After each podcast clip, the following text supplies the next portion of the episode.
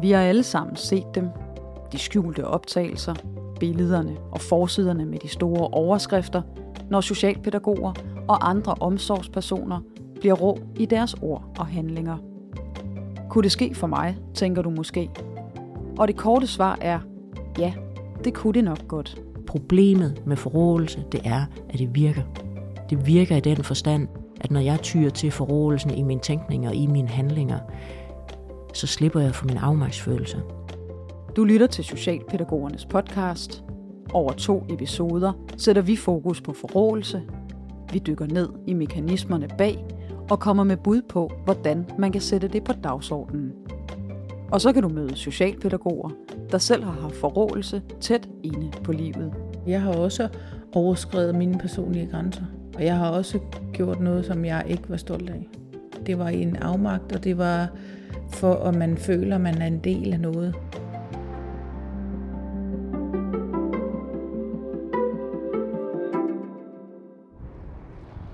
Hej, er det Diana? Ja, det er det. Hej, hej. at møde dig. Jeg møder Diana på torvet foran rådhuset i den lille by Stubekøbing på Falster. Jeg stillede spørgsmålstegn til nogle ting. Men jeg synes, jeg gjorde det på en ordentlig måde. Altså en undrende måde, spørgende måde. Men det blev ikke taget særlig godt imod. Jeg hedder Diana Dimer, og øh, jeg er socialpædagog. Jeg har været uddannet i 10 år, og øh, har primært arbejdet inden for psykiatri og handicap, og i øjeblikket arbejder inden for voksenhandicap, paragraf 85. Så støtter jeg en bolig. Dianas historie er fortællingen om en socialpædagog, der startede med de bedste intentioner, men selv endte med at blive fanget i en forrådet kultur. Forrådelse, det er noget, som jeg rigtig gerne vil i tale sætte. Jeg vil rigtig gerne have, at det ikke er så tabubelagt, som det er i øjeblikket. Hvis du siger forrådelse til en leder, så skal du se dem i øjnene. Det er ikke noget, vi skal snakke om, fordi uha. Og hvorfor vil du gerne være med til at sætte fokus på det? Fordi det skal jo ikke være nogen hemmelighed, at det ikke, jo ikke ligefrem været nemt at finde nogen til at medvirke i det her program. Øhm, det er fordi, jeg tænker, at det skal frem i lyset, og man bliver nødt til at snakke om øh, de ting, som, som der er svært at snakke om. Altså, vi øh, snakker også med borgerne om, at de skal turde tale om det, som er svært, og det, som gør ondt i deres liv. Men øh, vi skal også have fokus på, på det som professionelle. Både for fagets skyld, men også for de mennesker, vi arbejder med. Vi vender tilbage til historien om Diana. For at blive klogere på, hvad forrådelse egentlig er, besøger jeg Dorte Birkmose. Hun er psykolog, forfatter og foredragsholder, og har i mange år arbejdet med forrådelse. Det, som forrådelse betyder, det er, at man som menneske kan blive mere og mere ro. Og det kan jo så have forskellige udtryksformer, fordi det kan handle både om den sådan øh, udadvendte forrådelse, hvor andre udefra tydeligt kan se, at her taler om en råhed. Altså her er aggression, her er frustration, her er irritation. Altså det er der, hvor der bliver skældt ud, og det er der, hvor der bliver talt hårdt, og det er der, hvor der er en nedgørende humor, og det er der, hvor der er ulovlige fysiske magtanvendelser, og det er der, hvor det bliver sådan meget kraftfuldt, meget aggressivt og tydeligt råt, i hvert fald for andre, som kigger på det.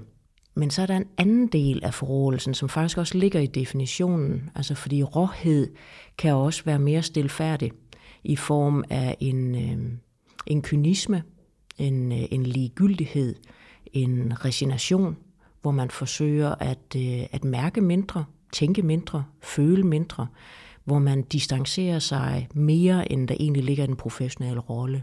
For Dorte Birkmose hænger en del af tabuet omkring forrådelse sammen med de store mediesager, der dukker op med måneder eller års mellemrum.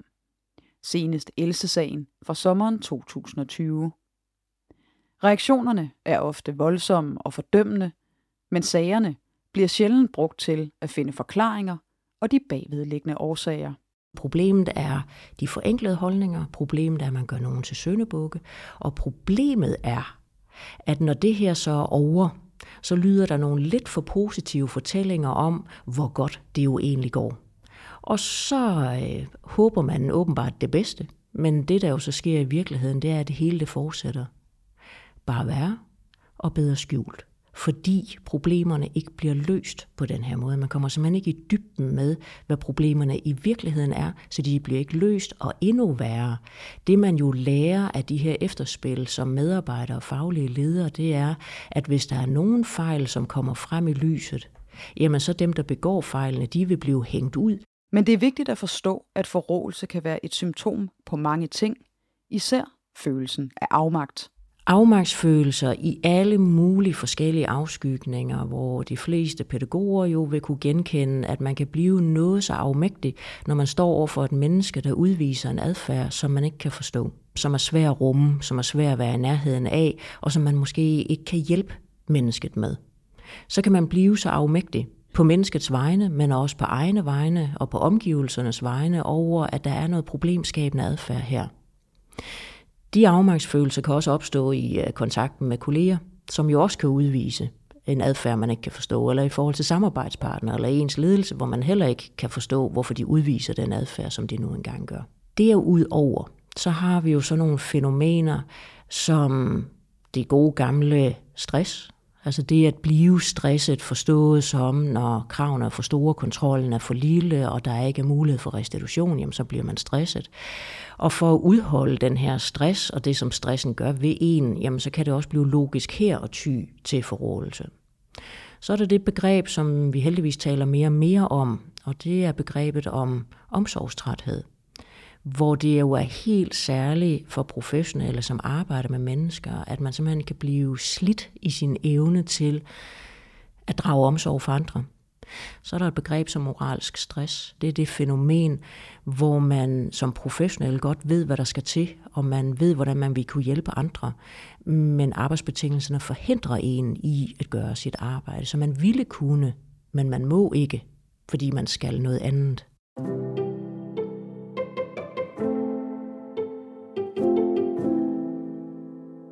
Diana oplevede som nyansat på et bosted at blive kastet ind i en kultur, hvor forrådelsen allerede havde fat. Jamen, jeg var vidne til nogle ting, som jeg ikke synes var i orden. Den måde, man var på over for borgerne, øhm, den måde, man talte til borgerne, om borgerne. Jeg undrede mig meget over, hvis der var nogle episoder eller noget, hvor jeg sådan tænkte, hvad er den pædagogiske refleksion, eller er jeg spurgt ind til altså overvejelserne. Hvad, hvad kunne det være for nogle episoder, som du hæftede dig ved? At man øh, skal sidde og spise i fællesrummet øh, og holde bordskik. Det kan også være dagligdags ting. Hvorfor, hvorfor vælger han ikke sit eget tøj? Altså, øh, han være på, eller sådan nogle ting. Er der nogle refleksioner bagved det? Og der bliver jeg bare tit mødt med, sådan plejer vi at gøre, det har vi altid gjort. Og jeg følte også sådan, at, at jeg blev lidt irriterende, eller jeg var sådan, blev ekskluderet. Nu kommer hende den nysgerrige, hende den kloge, hende den nye pædagog, ja. Det fik jeg skudt i skoene mange gange. Jeg prøvede, jeg prøvede at, øh, at blive en del af fællesskabet. Altså, jeg prøvede ligesom at ja, stikke en finger i jorden, som man så tit får at vide af både leder og kollega, at du skal lige stikke en finger i jorden. Hvad betyder det? Det betyder, at du skal lige holde lav profil. Når forrådelsen allerede er en del af kulturen, jamen så skal man vælge, om man vil gå med på det og blive mere eller mindre forrådet selv, eller om man vil risikere eksklusionen og sige fra, udfordre det og stille spørgsmål. Og her ved vi jo alle sammen godt, hvad der vil passe bedst til vores selvbillede. Og jeg tænker, det er det, som Diana har oplevet her. Hun har kunnet mærke, at det var forkert, og hun har kunnet mærke, at hun ikke har været tilpas i det. Hun har fået alle de her ubehagelige følelser, og hun, øh, og hun, har, hun har mærket dem, og hun har forstået dem, hun har forsøgt at reagere på dem. Men... Og, og så kan det godt være, at man er glad for borgerne, og man er glad for at arbejde som socialpædagog, men, men når du ikke er en del af det kollegiale fællesskab, øh, så det er der ikke nogen mennesker, der kan holde til. Og det der med, at du blev ekskluderet, hvordan mærkede du det mere præcis? Jamen det kunne for eksempel være, hvis man kom gående op ad gangen, så blev der stille, når man nærmede sig kollegaerne, der sad og snakkede, eller holdt udenfor, blev bagtalt. Hvorfor tror du, du, du, du alligevel endte med at blive så længe? Altså, at det ikke det lyder jo nemmere sagt end gjort, ikke? Men, men at det ikke efter første uge, at du så tænkte, der skal jeg ikke tilbage til igen? Det er jo nok også det der med, at Mm, kan det være mig, der overreagerer, eller... Og så ja, er man jo altid bange for med sit arbejde. Jeg tror bare gerne, man vil prøve at få det til at fungere, når man får et nyt arbejde, og, og håbe på det bedste. Dorte Birkmose fortæller, at man kan inddele forrådelsen i tre trin. Først kommer irritationen og distancen. Man begynder at tænke nogle tanker, som man ikke er helt stolt af. Det bliver lidt råt, det bliver lidt kynisk, det bliver lidt køligt, de tanker, man har sig. Hvor man i virkeligheden i bund og grund projicerer sin egne afmagtsfølelser over på andre og gør det til, til deres skyld. At det er dem, som er problemskabende. Det er dem, som er opmærksomhedskrævende. Det er dem, det er dem, som det er galt med. Og så man skubber det fra sig. Og det er sådan nogle tanker, man kan have. Og det kan man sige, det er sådan det er de første grå nuancer i det, og måske de første stadier eller trin, jeg ved ikke, hvad man skal kalde det. Men, men der er sådan en, en snigende forrådelse, som ligger inde i noget gråzoneområde, som jo hedder, at vi må jo tænke hvad som helst, og det gør jo ingen skade, det vi tænker. Men der er nogle farsignaler i, at når man tænker tankerne igen og igen, hvor det i virkeligheden bliver nogle nedsættende rå tanker om andre mennesker, som jo så kan udvikle sig til, at man begynder at sige det højt. Og det var netop, hvad man gjorde på Dianas tidligere arbejdsplads. Jeg er sikker på, at det der, det gør han bare for at genere mig, eller det er altid, når jeg kommer på arbejde, så er han på den måde. Og det gør han også bare for at få opmærksomhed. Altså det kan være sådan nogle ting, man snakker om borgeren på den altså nedladende måde, ikke? Og og laver et negativt narrativ for borgeren, i stedet for at fokusere på, på nogle andre ting.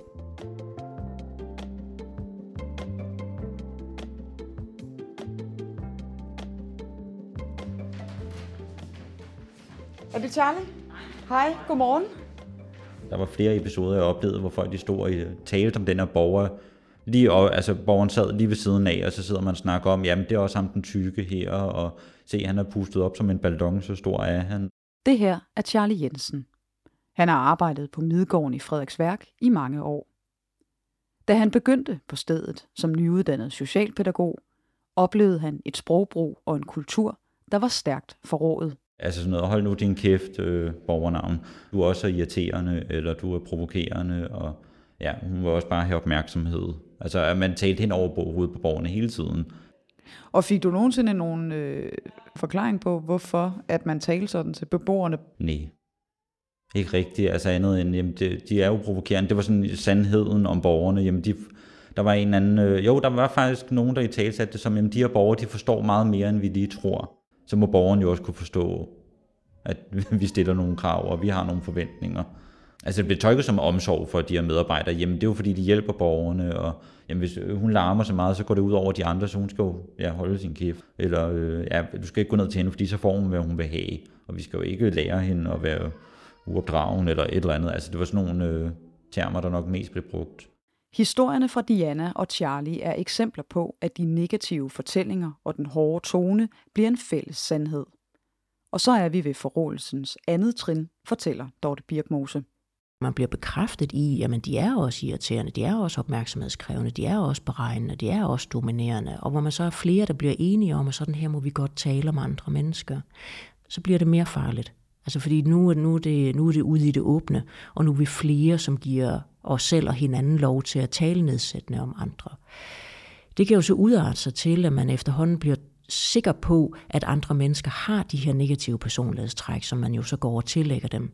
Og man glemmer det i virkeligheden i ens egne afmagtsfølelser, man forsøger at give udtryk for. Man kommer til at tro, at det er dem, og man kommer til at tro, at de måske nærmest er vores fjende. Og så bliver det alvor. Altså så når vi et stadie, hvor nu bliver det desværre logisk at krænke andre mennesker. Altså det er her, hvor det kan blive logisk at skælde ud, afvise og ignorere og ydmyge på forskellige vis.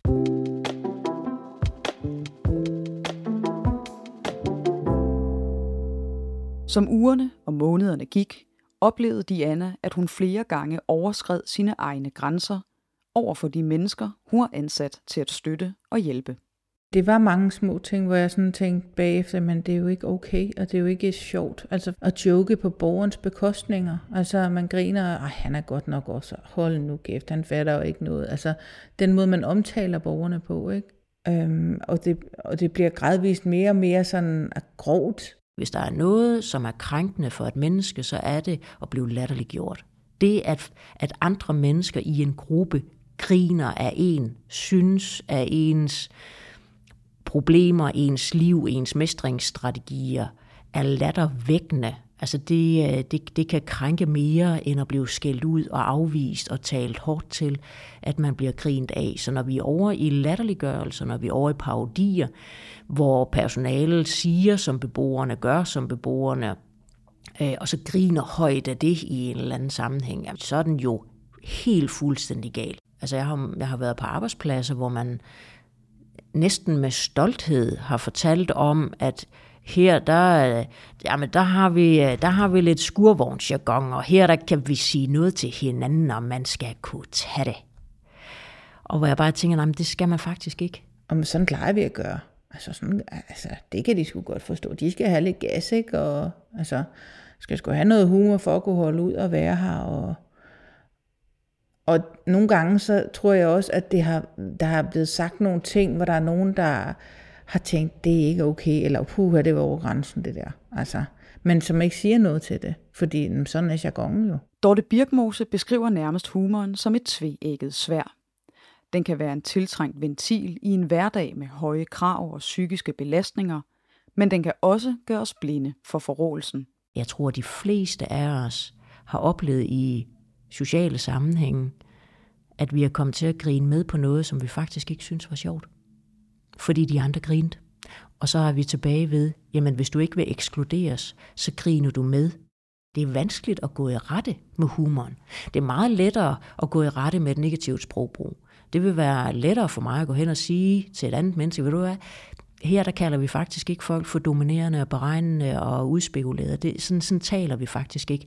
Det kan jeg lettere gå til en kollega og sige, end at jeg skal gå til en kollega og sige, det som vi lige sad og grinede af, det er jo faktisk ikke sjovt. Det er, det er næsten umuligt at kritisere humor. Men hvor går grænsen så mellem latterliggørelse og den nogle gange tiltrængte galgenhumor? Det er tilladeligt og forståeligt naturligt og menneskeligt, at vi griner af det absurde, det tragikomiske og det farlige. Der, hvor der bliver for alvor far på færre, det er, når vi gentager det. Når vi bliver ved med at grine af det samme på den samme måde, hvor hvis man mærkede efter, altså det er faktisk ikke rigtig sjovt mere. Fordi for hver gang man gentager det, så bliver det både det mere rigtigt, men man mister også det der lille øh, moralske gip, hvor man sådan lige mærker, ah, må, må vi godt sige sådan her? Altså må, må, må vi egentlig godt grine af det her? Og så griner man så lige lidt mere, fordi uh, så, blev, så blev det også lige lidt farligt, at vi rent faktisk sagde det her. Og så blev vi nødt til lige at grine af, ej, det er godt, der ikke er skjult kamera, der er nogen, der ikke er nogen, der kan høre os. Og så, uh, men vi skal holde øje, og nogen skal holde øje med os, med hvad det her egentlig, hvad det er udtryk for. For Diana stoppede det ikke ved et hårdt sprogbrug, humor og sarkasme vendt mod beboerne. Der var en pårørende, som var meget sådan øh, interesseret og gerne ville vide noget omkring, hvordan hendes datter havde det i botilbuddet. Og var meget, øh, måske var meget undrende og stille spørgsmålstegn til, hvordan øh, øh, at, vi håndterede tingene. Og der blev hurtigt sådan en, en stemning af, at, øh, at den pårørende var også bare skide irriterende, og, og hun ringede bare for at genere os, og øh, hvem tager telefonen nu, og kan vi ikke bare lade den ringe, og, og ej, jeg magter ikke at snakke med hende nu.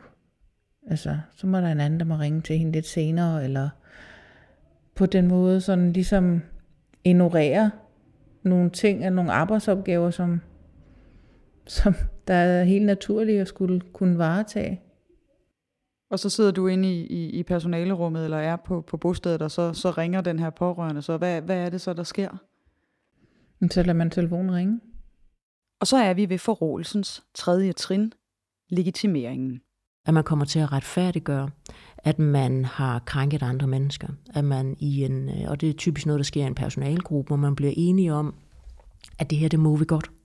Sådan her må vi godt tale, sådan her må vi godt reagere.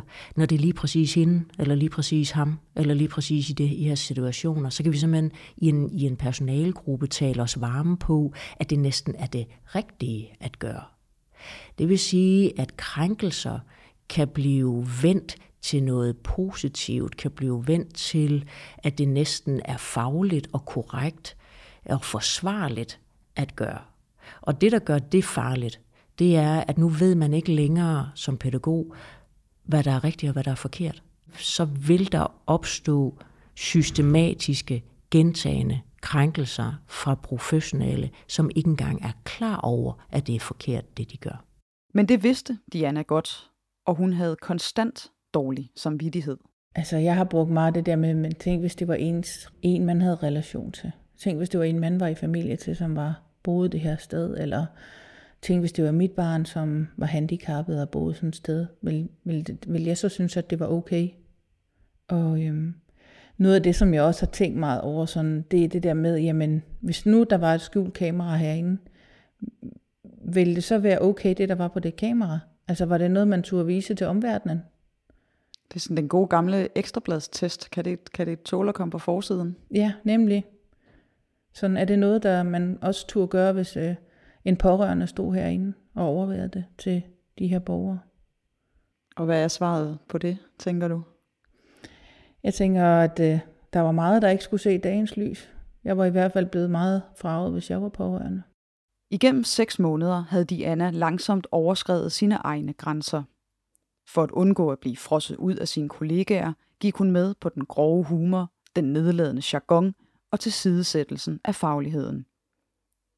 Men der var en episode, der blev øjenåbneren. Den her episode med, med, med en borger, som der, som der ikke ville spise det mad, som der så blev serveret, og spurgte om at få noget andet serveret, hvor jeg, hvor jeg så siger, nej, det, du kan ikke få noget andet, og du kan heller ikke få noget senere. Og så kommer den her borger i, i seng uden mad. Og, så, og da, da jeg kørte hjem den aften, der tænkte jeg, det her, det vil jeg ikke byde mine egne børn. Jeg vil ikke byde mine egne børn at komme i seng uden aftensmad og noget at til natten. Altså, det vil jeg ikke. Fordi de ikke havde opført sig ordentligt? Ja. Det vil jeg ikke. Og jeg kunne ikke se mig selv i spejlet. Og jeg, altså, jeg skulle være forberedt fuldstændig på alle mulige tænkelige scenarier, der kunne ske øh, i min dagligdag.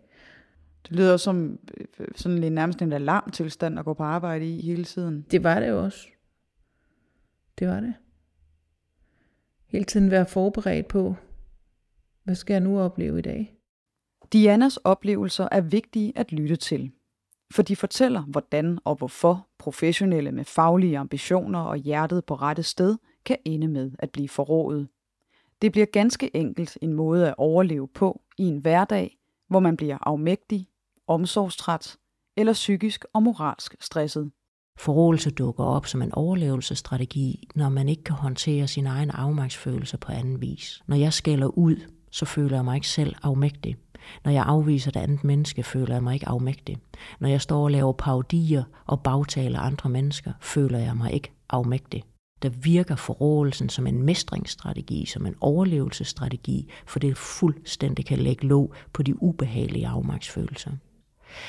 Forrådelse handler om, at man prøver bare at holde sammen på sig selv. Forrådelsen kan altså blive et forsvar, når man som socialpædagog ikke har mere at give af, når al fernis er slidt af, når robustheden er brugt op. Forrådelse, det er jo at forsøge at galvanisere sig selv.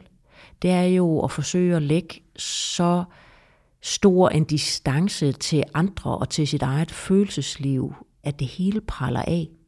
Og på den måde er forrådelse jo en syg form for robusthed. Og det håber jeg ikke, det er det, man øh, beder om i stillingsannoncerne. Det kan jeg jo nogle gange tænke i mit eget stille sind, kan jeg tænke, når man forsøger at bestille robuste medarbejdere, robuste ledere på nettet, øh, at jeg tænker, man, man, skal, man skal lige være klar over, hvad man beder om. Fordi hvis man beder om en medarbejder og en leder, som kan holde til det hele, uden at blive påvirket af det, jamen så har man også bedt om at få et forrådet menneske ind på sin arbejdsplads, og det tror jeg ikke, at der er nogen, der kan være interesseret i. Efter et halvt år i sit tidligere job fik Diana nok. Hun blev sygemeldt og kom aldrig tilbage. Selvom hun ikke er stolt af de ting, hun gjorde og sagde dengang, så har hun i allerhøjeste grad lært noget, hun har taget med sig videre. Det har givet mig det, at jeg aldrig nogensinde skal nå derud igen. Altså, jeg skal hele tiden holde mig faglig på tåspidserne. Altså, jeg skal være professionel. Jeg skal, jeg skal uddanne mig. Jeg skal hele tiden turde undre mig. Jeg skal, og, og hvis jeg kommer over grænsen, så skal jeg turde stå ved min egen fejl, og jeg skal turde og reflektere, og jeg skal aldrig være en del af det igen. Det er ikke det værd at gå på arbejde og få en månedsløn for at være i noget, hvor du ikke kan se dig selv i spejlet, når du kommer hjem fra arbejde. På Midgården blev Charlie også mere og mere slidt, og han kunne se sine yngre kollegaer sige op på stribe. Vi var ni nyansatte, da jeg startede, og øh, hvad var det, efter to år, så var der mig tilbage. Ikke? Øh, og jeg, jeg må da indrømme, jeg havde da også tanken om, skulle jeg flygte, rent ud sagt. Ikke? Men Charlie blev på Midgården, og han nåede derfor at blive en del af den nye kultur på stedet, hvor der er fokus på at bryde tabuet og sætte fagligheden forrest, for at undgå, at forrådelsen sniger sig ind igen. I næste afsnit kan du derfor høre, hvordan Charlie og hans kollega Benny arbejder systematisk på at forebygge forrådelse. Det betyder også, at folk tør også at komme og sige, at øh, jeg vil gerne snakke om, om det her med dig, fordi jeg gjorde sådan og sådan i den her situation, og der, der skete det og det. Som omsorgsperson, der bliver du nødt til at kigge på din adfærd, og du bliver nødt til at, at reflektere over det ordforråd, du har, når du er på arbejde.